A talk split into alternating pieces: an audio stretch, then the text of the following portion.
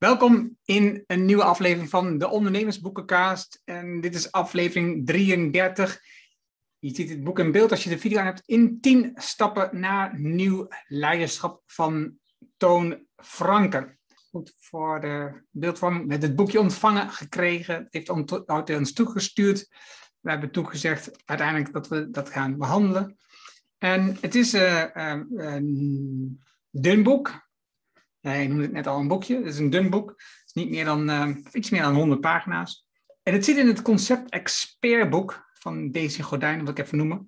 En zij helpt je om in zes weken een boek te schrijven als expert op, op jouw onderwerp. En, en dat boek is standaard in dat formule uitgewerkt in tien stappen. Elk boek wat ze uitgeven is altijd uitgewerkt in tien stappen. En dat is een slim concept, waardoor je als expert eigenlijk um, wordt geholpen om zo'n boek te schrijven en publiceren en ook te delen. Want ze helpt je ook om het te delen. Want ze, ze bijvoorbeeld ervoor gezorgd dat Toon ons dat boekje gaat sturen, zodat we in de podcast kwamen. Dat soort ideeën doet allemaal. Anders zou een expert dat niet zo snel doen en niet zo snel voor elkaar gaan. Dat denk ik zeker. Dus dat is hartstikke slim. Het nadeel van het concept, ga ik er even mee, mee te nemen, is dat het wat gemaakt over kan komen. Je hebt tien stappen. En dat dwingt zo'n auteur ook om zijn visie of haar visie in zo'n tien stappen te gieten. En en dat zie je ook hier een beetje terug. Soms is dus de basis van zo'n stap wat dun. Verder staan er korte, interessante ervaringen in van verschillende ondernemers en managers. Waaronder, jawel, tada, tada. Tom van der Lubbe van Visie Hypotheken. Daarom doen we onder andere dit boek ook niet omdat Tom erin staat, omdat het natuurlijk die relatie hadden we op die manier. Ja, misschien nog even een korte aanvulling. Zou zeggen, Toon Franke en zijn uh, collega Helene, die hebben een bedrijf, Core Change. En die zijn op stap in die hele wereld van de organisaties, de organisaties beter te maken, te helpen met zelfsturing, et cetera. Dus wij kennen elkaar gewoon omdat we in hetzelfde ecosysteem uh, zitten. En dat is natuurlijk een hele kleine wereld, want er zijn weliswaar in Nederland een verhouding veel bedrijven die met zelforganisatie bezig zijn. Alleen het aantal mensen dat dan weer een coachende rol in heeft, is natuurlijk zeer, zeer overzichtelijk. Dus wij kennen Toon en Helene al heel lang. Dus het is ook helemaal geen toeval dat ook Toon bij ons is uitgekomen, omdat wij natuurlijk een van de bedrijven zijn die daar heel erg mee bezig zijn. En ook even voor full disclosure, Toon uh, heeft mij ook geïnterviewd bij zijn boekenlancering, ik geloof twee weken geleden. Dat zullen we naar de hand ook delen in de show notes, waar het dan vooral gaat over dat gedeelte wat achter in het boek staat. Uh, ja, wat meer, wat meer inzoomt op wat wij bij Visie doen. Maar daar komen we naar de hand nog wel over te spreken. En ik wilde nog even zeggen dat wat jij net zei, um, op de laatste bladzijde van dat boek uh, ook een hele lijst is van al die boeken die al verschenen zijn met die tien stappen. Dus dat wat Erno net heeft gezegd, dat staat gewoon heel transparant in, dat, uh, in, in, dit, uh, in dit boekje. Ja, ja, ja. Nou, er zijn zelfs veel meer boeken dan dit, dan deze, dit overzicht gepubliceerd. Op de website zie je ze ook niet allemaal. ik moet wel zeggen, er zijn er voor mij ook bekende mensen bij. Dus Eva Brouwer bijvoorbeeld, je podium pakken en ik zag uh, Wendy ook van Heel, die ken ik ook heel goed, grip op groei en gulligheid. eigenlijk, eigenlijk gaat het boekje meer over zelfsturing in organisatie dan over leiderschap, denk ik. Maar goed, tien stappen. Laten we even kijken naar um, gewoon even een kort overzicht van de tien stappen. Maak kennis met nieuw leiderschap, nummer één. Twee, neem waar wat er speelt. Drie, verbind met je potentieel. Vier, volg de mogelijkheden. Vijf, experimenteer en leer. 6. Maak de bestaansreden de baas. 7. Stimuleer werkgeluk, vertrouwen en veiligheid. 8. Vraag om volwassenheid. 9. Verdeel het leiderschap. En 10. Ontdek de extra dimensie van nieuw leiderschap. Wat Toon in het begin van het boek doet, in de inleiding, daar hebben we al een paar keer over gehad, dat zie je ook vaker terug. Vind ik in het boek op dit moment, is dat ze doen alsof we in een hele bijzondere tijd leven. Alsof deze tijd heel anders is dan de rest. Er gebeurt ontzettend veel in deze tijd en daarom is er nieuw leiderschap nodig. Er gebeurt altijd heel veel. Er zijn altijd heel veel ontwikkelingen die in de tijd passen en dan is er een ander soort iets nodig. En, nou goed, dat heb ik al eerder gezegd. Ik vind, ik vind het jammer dat je het doet, dat je het zo moet neerzetten, want daar gaat het eigenlijk niet om. Het is een leiderschap die past bij zelfsturing, zoals in Locracy, uh, wat bij visie wordt gebruikt. Het eerste hoofdstuk dat gaat over dat hij eigenlijk het oude, traditionele leiderschap, ik zou het meer management noemen, in de Anglo-Amerikaanse omgeving. eigenlijk is het niet eens zo oud, het eigenlijk is het pas sinds de jaren 45, uh, 50 moet ik zeggen, is het pas in Nederland. En daarvoor was het er niet eens. Nu is het meer op die strakke hiërarchie um, gestructureerd. En, um, ja, nu zegt hij de laatste 20 jaar zo'n beetje, denk ik, met de invoering van dus onder andere de zelfsturing, zie je gewoon dat er een hele andere leiderschap nodig is om de mensen een plek te geven. En leiderschap, wat ik ook het gevoel heb, maar moet je even kijken, Tom, of jij het ook zo vindt, is hij gaat in leiderschap wel uit van de leider van het bedrijf ook heel veel in het boek. Dus de, de oprichter of de ondernemer of de manager. Terwijl um, leiderschap kan eigenlijk iedereen vervullen in een bedrijf. Maar hij, hij, hij tenminste zo, zo heb ik het opgevat, als ik veel van de tips kijk, dan zijn die vooral bedoeld voor de leider van het bedrijf. Ja, ik denk inderdaad dat je daar gelijk in hebt. Het loopt een beetje door elkaar heen. Want hij zegt al helemaal in het voorwoord, zegt hij, in dit boek gaat het er juist om dat iedereen groeit in zijn, in zijn leiderschap, of in haar leiderschap, om met elkaar een wendbare organisatie te vormen. Ik gebruik in het boek de term medewerkers, omdat die zo gangbaar is, maar een beter woord zou zijn je collega's. Dus dat is een keer een beetje het probleem. Dat begint eigenlijk al met de titel. Hè? Wat is eigenlijk leiderschap? Definieer je leiderschap verticaal of horizontaal? En het eerste hoofdstuk waar jij je eigenlijk net aan refereert, daar staat een overzichtje in. Bladzijde 23, overzicht van leiderschapstypes. En eigenlijk is het gewoon heel plat geslagen. Is het gewoon het verschil weer tussen het Amerikaanse model en het, en, het, en het Rijnlandse model, waar wij het natuurlijk heel vaak over hebben. En dan wordt het hier weggezet traditioneel leiderschap, management, sturing. Huidig leiderschap, coachend, ondersteunend. Ja, eigenlijk had je ook gewoon neer kunnen zetten Amerikaanse model, continentaal-Europese model of shareholder value model en resources en uh, Rijnlands, et cetera. Dus wat dat betreft zie je die thema's wel op, op allerlei manieren uh, weer terugkomen. Maar dat maakt dat, ik zou zeggen, dat, dat overzichtje hier, wat, wat, uh, wat ik net noemde, maakt het niet minder goed of minder relevant ik kom daar straks om terug, want ik vind in een van de andere hoofdstukken is, is het ook die verwarring over de, die verschillende uh, verticale leiderschap komt dat ook duidelijk terug. Um, maar laten we even naar het tweede deel gaan. Daar heeft hij het over, um, ja, eigenlijk, eigenlijk vooral over luisteren. Dat je, dat je goed wilt luisteren naar de mensen, naar de organisatie, maar ook vooral naar jezelf. En ook daarin zie je weer, jezelf is de leider van de organisatie in dit. Dat ervaar ik dan zo. Dus het gaat over de, het toon heeft het op dat moment over de drie intelligenties van het hoofd, het hart en de buik. Um, en dat zijn, denk ik, toch voor veel ondernemers wat, die meer vanuit het hoofd werken, zoals ik, toch wel wazige, ingewikkelde begrippen. Niet dat ze niet correct zijn of niet waar zijn, maar die, heb, daar heb ik altijd moeite met met handvat, om, daar, om, daar, uh, om dat te organiseren, om dat, om, dat, om dat ruimte te geven. Ik heb bijvoorbeeld eerst wat met Martijn Meijma, die, heeft, die zit ook op dat intuïtiestuk. En ik vind het super interessant, maar ik merk nog steeds dat ik, en ik ben volgens mij echt niet één op dit vlak, dat ik dat, niet, dat ik dat niet eenvoudig vind. Ik werk gewoon het meeste vanuit het denkproces in mijn hoofd.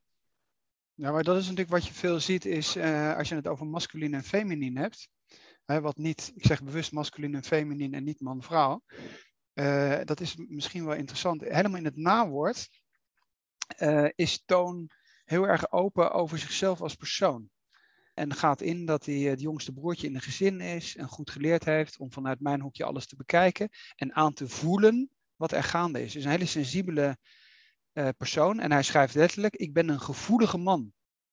Dat heeft een reactieve kant en is een kwaliteit. Ik hang geregeld in alle hoeken van de drama-driehoek. Dus het is, en voor de mensen die hem kennen, uh, ik denk dat het een van zijn grote kwaliteiten is. En dat is normaal gesproken wat je in organisaties hebt. Dat is bij ons overigens ook zo. Ik ga even een compliment geven aan Esmee. Dat is iemand die heel goed dingen aanvoelt. Ik ben natuurlijk ook veel meer de blauwe, rationele Excel-modellenbouwer en boekenlezer en weet ik veel wat allemaal. Alleen dat is ook wel weer de kwaliteit. Dat hij dat hier weet te combineren. En ik denk dat die combinatie van dat leiderschap verticaal en horizontaal heel erg te maken heeft dat als jij coach bent, dat jij natuurlijk, als jij bedrijven begeleidt, door het management wordt ingehuurd. En die leider of die manager zegt dan, beste Erno, wil jij mij helpen? Ik heb het idee dat we iets moeten doen. En dan heb je natuurlijk toch een verticale, uh, verticale situatie. Maar ik denk dat er veel mensen zijn die op dit moment verticaal leiding geven maar wel voelen dat ze eigenlijk nou horizontaal zouden moeten.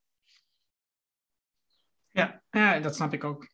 En, en het gaat gelijk door in, in, het derde, in die derde stap. ontdekt waar de organisatie naartoe wil gaan.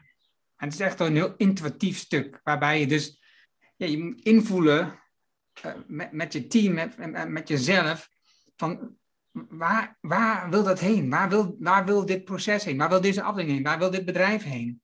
En ontdek dan wat jouw rol daarin is.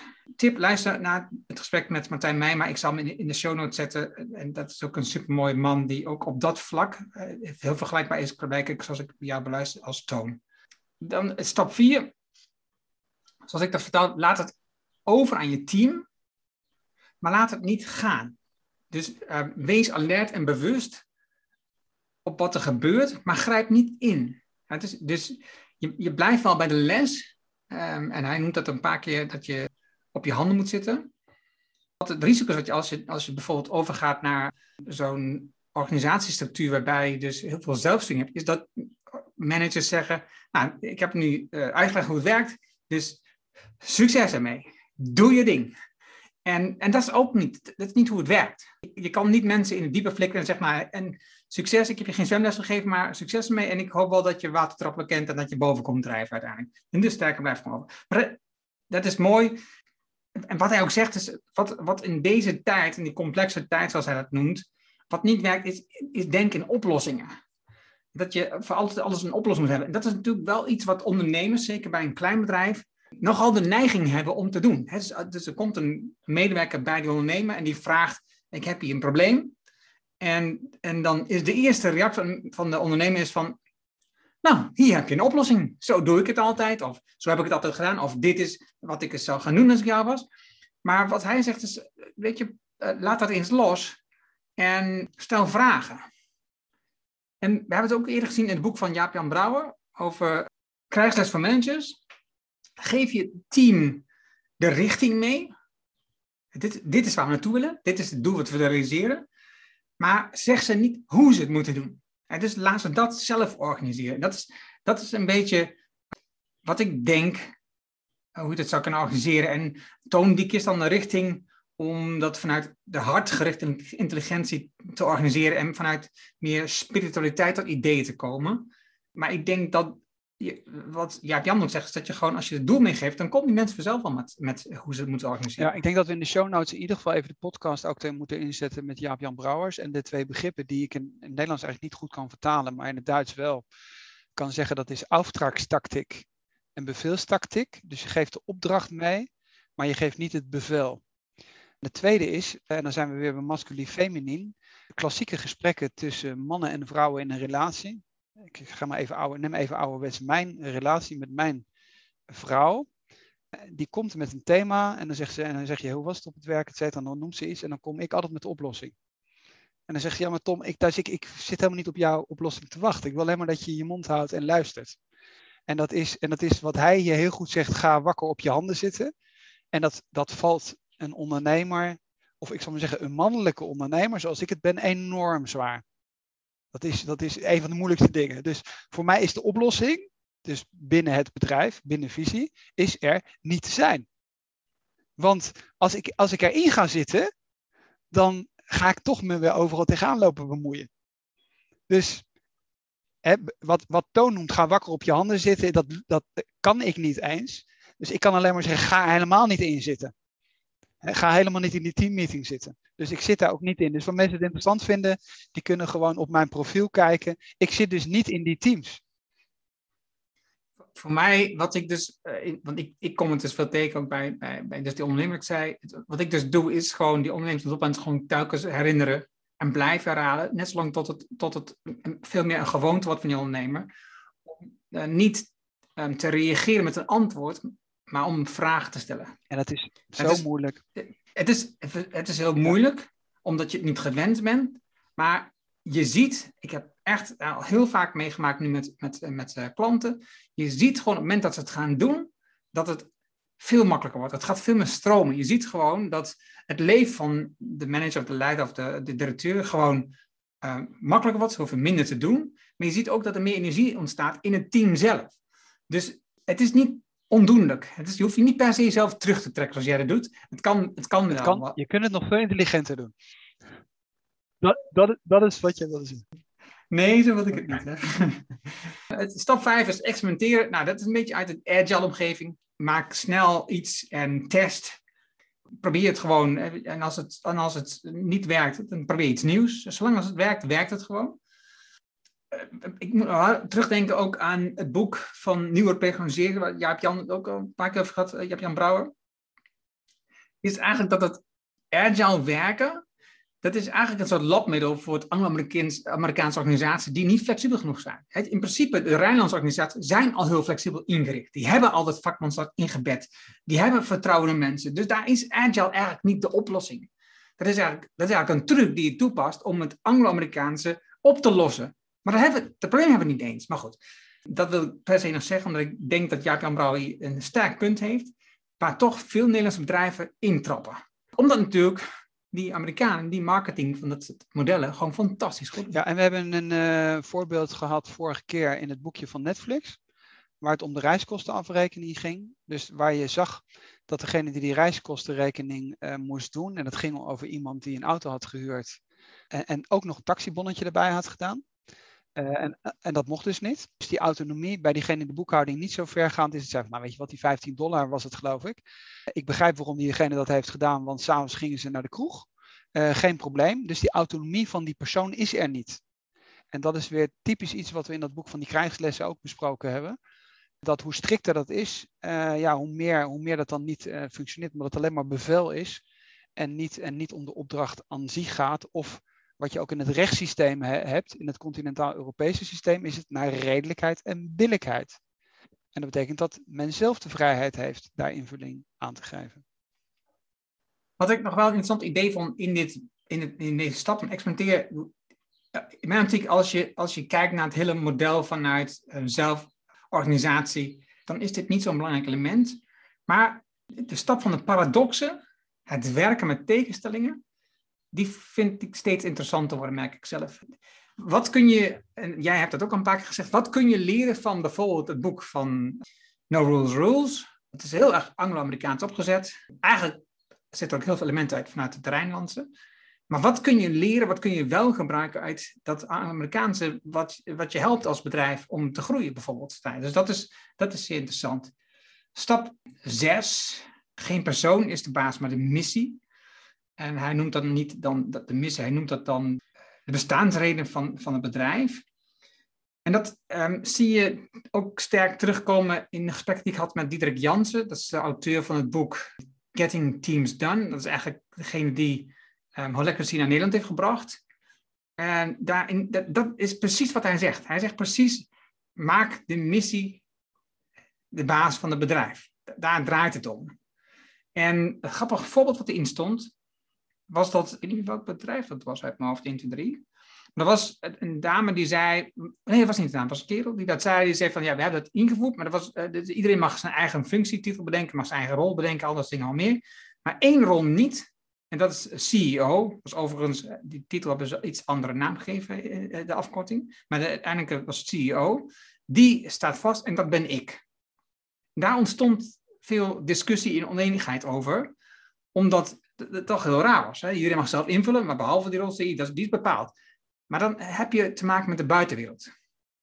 De buitenwereld heeft ook een bepaalde verwachting hoe een organisatie werkt en wie ze moeten vragen en bij wie ze terecht kunnen bij dingetjes. Dus dat is, dus geef de missie, en maak de missie van je bedrijf de baas. Dat is super interessant om intern mee te werken. Maar voor de buitenwereld kan je niet iemand zeg maar, de missie laten bellen van hoe zit het met jullie bedrijf. Dat, is, dat kan niet. Je moet iemand ook intern het aanspreekpunt laten zijn. Maar hoe zie je dat bij visie? Terwijl dat in de praktijk helemaal niet zo'n probleem is. Dus bij ons is het ook zo, purpose is de bos. Daar uh, hebben we ook uh, artikelen over geschreven, interviews over gegeven. Mijn collega Mark Peter heeft daar ook een keer een podcast over gedaan. Uh, Diederik Jans is overigens degene met wie wij ooit gestart zijn om uh, te implementeren, met het book Getting Teams dan. Hij is wereldwijd overigens een van de aller, allereerste geweest. Hij was eigenlijk al bezig met zelforganisatie voordat uh, Brian Robertson zijn boek had geschreven. dat is op zich wel interessant. Ik weet helemaal niet of wij dat boek überhaupt van hem hier in onze boekenpodcast een keer besproken hebben, want anders zou dat zeker zinvol zijn. Maar om, om terug te komen op jouw vraag, zolang maar duidelijk is wie waar verantwoordelijk voor is, is het helemaal niet zo'n probleem. Dus dat idee dat, dat je altijd je chef moet hebben, zou ik maar zeggen, of de CEO moet hebben, dat wordt zeer zwaar eigenlijk overschat. Omdat als in een groot bedrijf bel je ook niet de CEO van Shell op. Dus daar is dat ook, want die is helemaal niet bereikbaar. Dus uiteindelijk wordt dat werk uiteindelijk gewoon verdeeld. Het gaat meer erom dat helder is naar de buitenwereld toe, bij wie je moet zijn. En dat krijg je bijvoorbeeld in een zelforganiserende structuur, waar, waar veel meer gewerkt wordt met deelfuncties, hè, die dan rollen heten, is dat eigenlijk sneller en meer fluïde dan de klassieke functie, waar je eigenlijk helemaal niet weet wat er precies allemaal onder valt, omdat het senior vice bla bla bla president heet en je eigenlijk nog steeds niks weet. Dat is wat dat betreft in een lokatie kun je heel duidelijk zien van oké, dat thema moet ik hebben, dat google ik in, in het organisatiesysteem en dan weet je wie voor het online zetten van een social media post verantwoordelijk is en dan kun je diegene meteen een e-mail sturen, of dat nou extern of intern is. Dus ik vind dat het een beetje vaak uh, overschat wordt. En bij investeerders bijvoorbeeld, daar wordt het ook vaker genoemd, is uiteindelijk bij kapitaalrondes is het ook de CFO en niet de CEO. Dus ik zou zeggen, zolang het maar transparant en duidelijk is, maakt het helemaal niet zo heel veel uit. Oké, mooi. Dank voor de aanvulling. Stap nummer 7, stimuleer werkgeluk. Nou, dit hebben we al een paar keer behandeld. Dit gaat over flow, over drive. Dit gaat over um, veiligheid. Uh, de, ook dat boek hebben we ook behandeld. Wat grappig is, hij noemt hier uh, medewerkers motiveren. Dat boek moet nog lezen. Ik moet bekennen dat ik het niet eenvoudig boek vind. moeilijk boek. Maar ik, ik, ik ben begonnen met het eerste stuk. En waar ik het met hem eens ben, met uh, die auteur, Sprenger. Medewerkers zijn niet te motiveren. Ze zijn al gemotiveerd van zichzelf. Daar hoef je niet, hoef niet energie op te zetten. Dat is onzin. Dat is ook onmogelijk. Dat punt had ik zeker. Maar werkgeluk ontstaat door autonomie, eh, dat je de vaardigheden hebt, dat je een visie hebt die groter is in jezelf. En hij noemt nog kort spiral dynamics, waardoor je mensen makkelijk kunt benaderen op hun eigen waarden en behoeften. Hoe kijk jij daar tegenaan? Ja, we hebben het heel even over gehad in, het, uh, in de bespreking van uh, Reinventing Organizations van Frederik Laloux, omdat hij ook zeer sterk, uh, Ken Wilber heeft het voorwoord zelfs geschreven van het boek. Ik vind dat lastig, dat hele spiral dynamics. Maar dat vind ik hetzelfde als je spiritualiteit in een bedrijf gaat brengen. Dus je, je, hebt, je kunt best heel christelijk zijn, maar, of heel katholiek, of heel boeddhistisch, of weet ik veel wat, of heel islamitisch. Alleen, ik zou zeggen, probeer het zoveel mogelijk te verzakelijken en, en, en dan is bijvoorbeeld de gouden regel, hè, behandel andere mensen zoals je zelf behandeld wilt worden, hoef je helemaal niet, kun je heel rustig uit die christelijke context halen, omdat het sowieso overal gebruikt wordt. En, en dat vind ik eigenlijk een beetje bij Spiral Dynamics, vind ik, vind ik dat ook. En, maar dat heb je ook bij alles wat richting mindfulness gaat en, en meditatie, et cetera, vind ik heel erg lastig.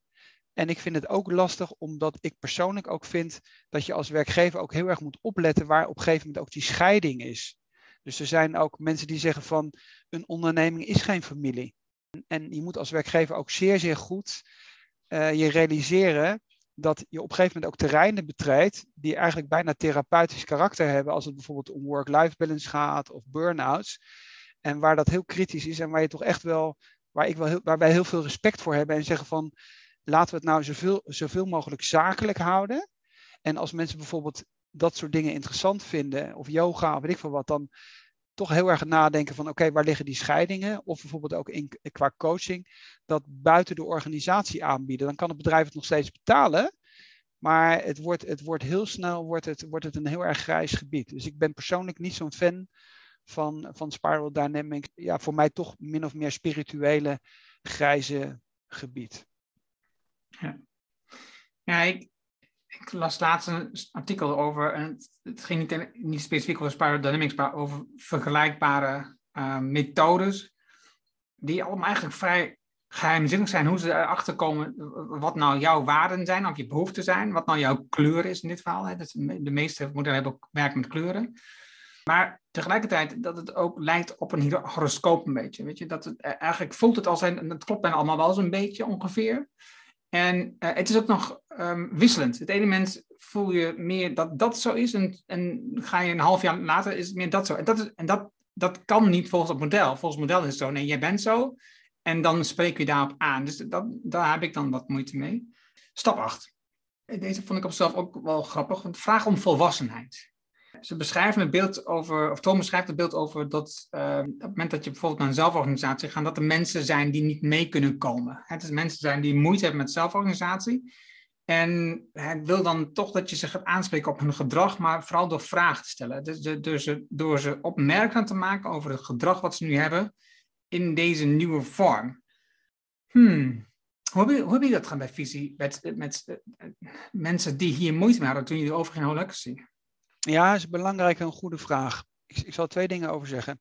Het is best wel moeilijk, omdat uh, wij krijgen die vraag vaak. Alleen wij zijn er zo vroeg mee gestart. Dat uh, als je, ik zeggen, twee assen hebt en je hebt een hele grote organisatie en dan hoe oud zijn je medewerkers, dan zaten wij altijd helemaal links beneden. Dus organisatie bestaat nog niet heel lang. En dus weinig mensen, jonge mensen. Uh, en heel vroeg wat uh, geïmplementeerd. En dat is, dat, is, dat het ene antwoord. Dus ik heb heel veel respect voor het citaat wat hierin staat. Janneke Tettero ken ik ook. Die heeft ooit bij de Volksbank uh, dat geprobeerd, ik zeg ik maar even tussen aanhalingstekens in te voeren. En het is natuurlijk niet te vergelijken of je bij visie bij tien mensen begint met zelforganisatie. Of in een organisatie als de Volksbank met duizenden en duizenden mensen. Of de ABN AMRO wordt ook geciteerd. Dus dat is punt één. Tweede is, het tweede gedeelte van het antwoord. We hebben altijd gezegd, je mag gewoon neutraal zijn. Je mag sceptisch zijn. Dus het is een beetje everybody matters. Ander linkje erin hè, van Bob Chapman.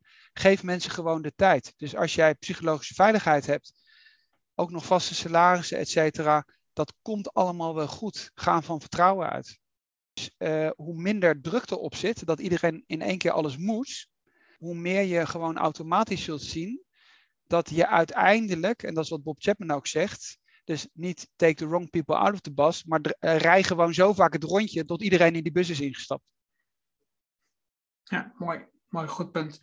Wat hij verder nog beschrijft is dat je ook wel toch wel wat duidelijke afspraak moet hebben in zelforganisatie. Ook een paar regels en afspraken, zodat iedereen snapt hoe het werkt. Het hoe vaak heb je overleg bijvoorbeeld? Je hebt ook veelvuldig overleg, dat je weet dat het overleg is, wat je verantwoordelijkheden zijn die erbij horen, allemaal dat soort dingetjes. Dat is, dat is goed om te doen. Volgens mij zit het standaard in het deel, wordt dat meegenomen, dat er volgens mij gewoon bij. En het deel over feedback krijgt ook heel veel aandacht in deze stap. En in het boek No Rules Rules um, komt dat ook terug als een heel belangrijk element, dat je um, echt heel veel feedback aan elkaar geeft. En wat Toon ook goed zegt hier, is dat je als manager het voorbeeld moet geven. En hij noemt dan wel dat, hij, dat het goed is om mensen te beginnen mensen positieve feedback te geven. Ik weet niet zeker of dat klopt, maar ik, ik denk namelijk dat het begint bij vraag eerst zelf aan de mensen in je team wat je vindt dat jij beter kunt doen. Ga niet zitten hengelen naar positieve feedback. Ga vooral op zoek naar de dingen waar jij beter in kunt zijn. Want dan, want dan krijg je pas transparantie. Anders krijg je allemaal van die wenselijke antwoorden. Uiteindelijk, positieve feedback is leuk, maar je wordt er niet beter van. Je, je kunt je er niet door ontwikkelen. Je kan alleen maar zeggen, hey, dit voelt goed en ik blijf in mijn comfortzone. En dat is uiteindelijk niet wat het doel is van feedback. Deze, dat was het hoofdstuk stap waar ik op terug wilde komen in het begin. Stap 9. Verdeel het leiderschap. Zoals ik het zie, zoals jullie het hebben begrepen met visie, jullie hebben het leiderschap echt verdeeld. Hè? Dus je hebt ook uh, rolerend leiderschap, hebben jullie ook. En wat, en wat, ik hier een beetje uithaal uit deze stap is vooral dat het erover gaat, is welk werk als leider van het bedrijf, als manager of ondernemer of oprichter van een bedrijf, kan ik afstoten aan anderen. Dat is een beetje wat ik hier vooral lees. Dus, dus ik heb een bepaalde taken als, als ondernemer. Nou, ik heb te veel werk, dus ik ga het afstoten. Het is vooral vanuit welke dingen kan ik afstoten. En wat ik dus mis, is dus veel meer hoe kun je nou het werk in het hele bedrijf verdelen. Dus niet alleen vanuit de manager kijken, welke klussen kan ik meer aan, dus moet ik kwijt in de organisatie. En, en daar zadel ik dan maar andere mensen mee op. Nee, wat zijn alle klussen in het bedrijf en hoe kunnen we dat als bedrijf als geheel verdelen? Dat lijkt me een veel oprechtere aanpak, laat ik het zo zeggen. Ja, maar dat, dan ben je in principe weer bij het begin. Dat als je natuurlijk verticaal start, dan krijg je heel erg van wat kun je overdragen. Dat is hier op, op bladzijde 86. Wat kun je overdragen? Wat zijn jouw rollen en verantwoordelijkheden? En welke kun je uitdelen? En dat is dus een beetje vanuit de optiek van, daar zit waarschijnlijk uh, een witte man van 50, verticaal, die eigenlijk gewoon die macht heel erg, uh, ik zou zeggen, heeft gebundeld. En dan komt Toon of Verleen, die komen dat bedrijf binnen. Die oudere manager, zal ik maar even zeggen, voelt ook wel dat het anders moet. En dan, dan is vanuit dat perspectief is meer de vraag van ja, wat ga jij overdragen aan wie? Terwijl als je natuurlijk met een, met een wit blad papier uh, begint, wat wij natuurlijk min of meer hebben gedaan, of uh, dus, er was nog bijna niemand, dan zeg je van, nou, je hebt een uh, kredietafdeling en daar werken drie mensen. Ze doen gewoon om de beurt zus of zo doen. En dat is natuurlijk eigenlijk de, de natuurlijke en makkelijkere situatie. Dan dat je eigenlijk zo'n zo'n soort, want het blijft ook altijd impliciete hiërarchie, blijft bestaan. Dan dat je eigenlijk zo'n soort ja, al, ja, alleenheerser, noem ik het maar even tussen aanhalingstekens, eigenlijk aan het uitkleden bent. Uh, dat kan allemaal op zich wel. Alleen, alleen je blijft natuurlijk toch gewoon zitten met het verleden. Hè? En dan ben je in principe ook weer bij dat, bij dat wat, we, wat in een ander boek stond, ik weet niet meer precies weer, met Danielle Brown waar dan nog steeds, maar zeggen, de oude, de oude hiërarchische persoon aan de muur hangt. En je dan ritueel uh, dat, schilderij, dat schilderij, ja, stop, dat je dat, dat schilderij in stukjes moet snijden.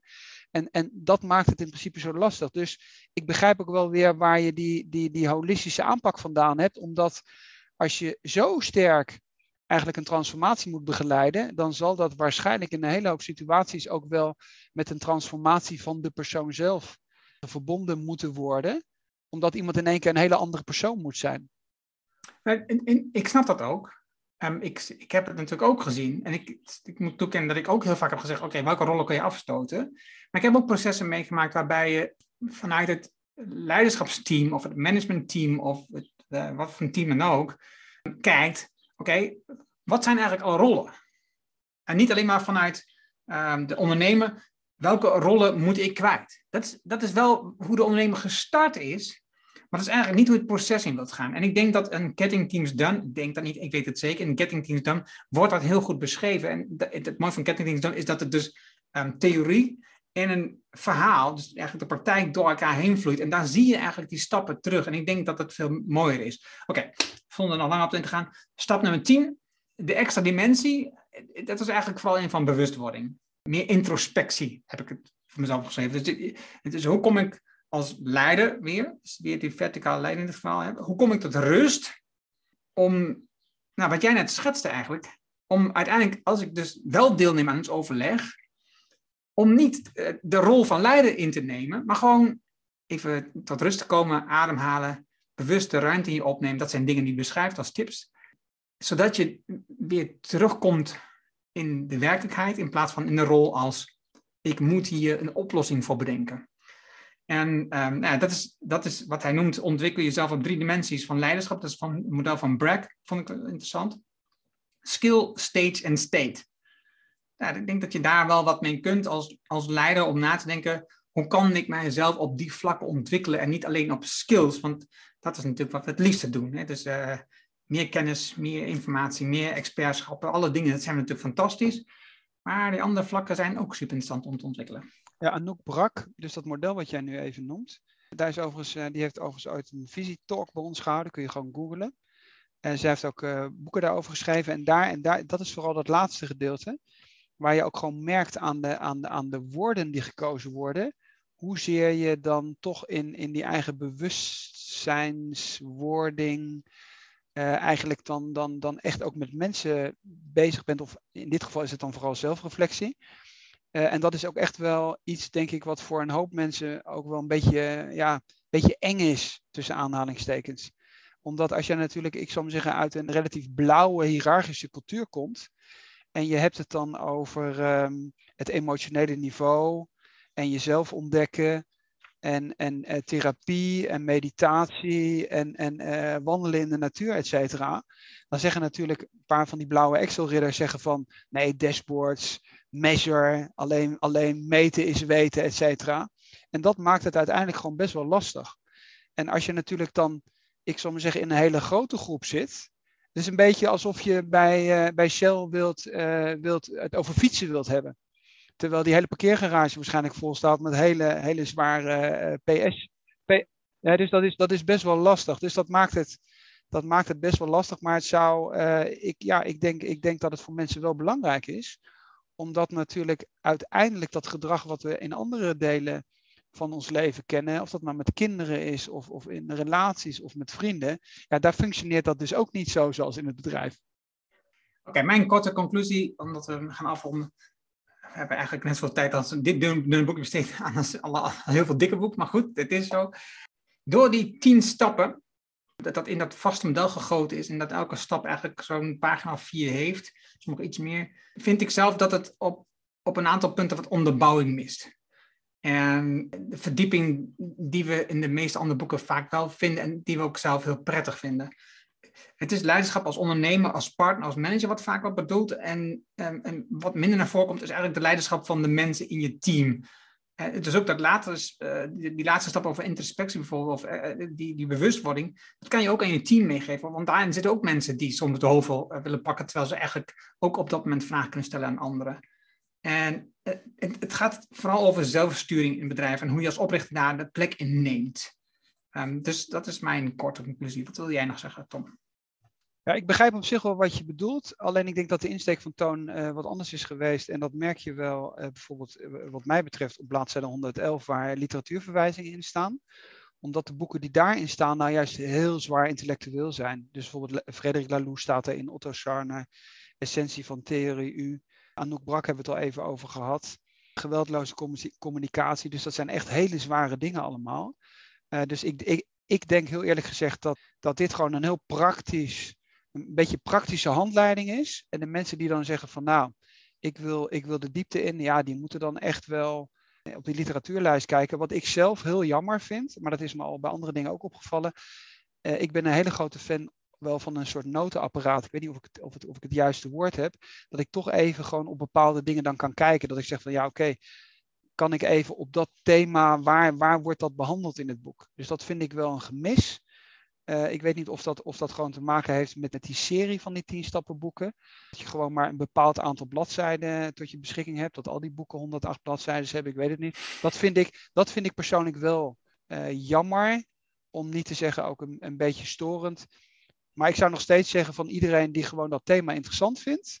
Doordat het zo dun en makkelijk is, is het misschien ook wel weer veel makkelijker dat het boek gelezen wordt, omdat mij elke keer weer opvalt dat weinig mensen echt, ik zou maar zeggen, bijvoorbeeld Frederik Laloux gelezen hebben.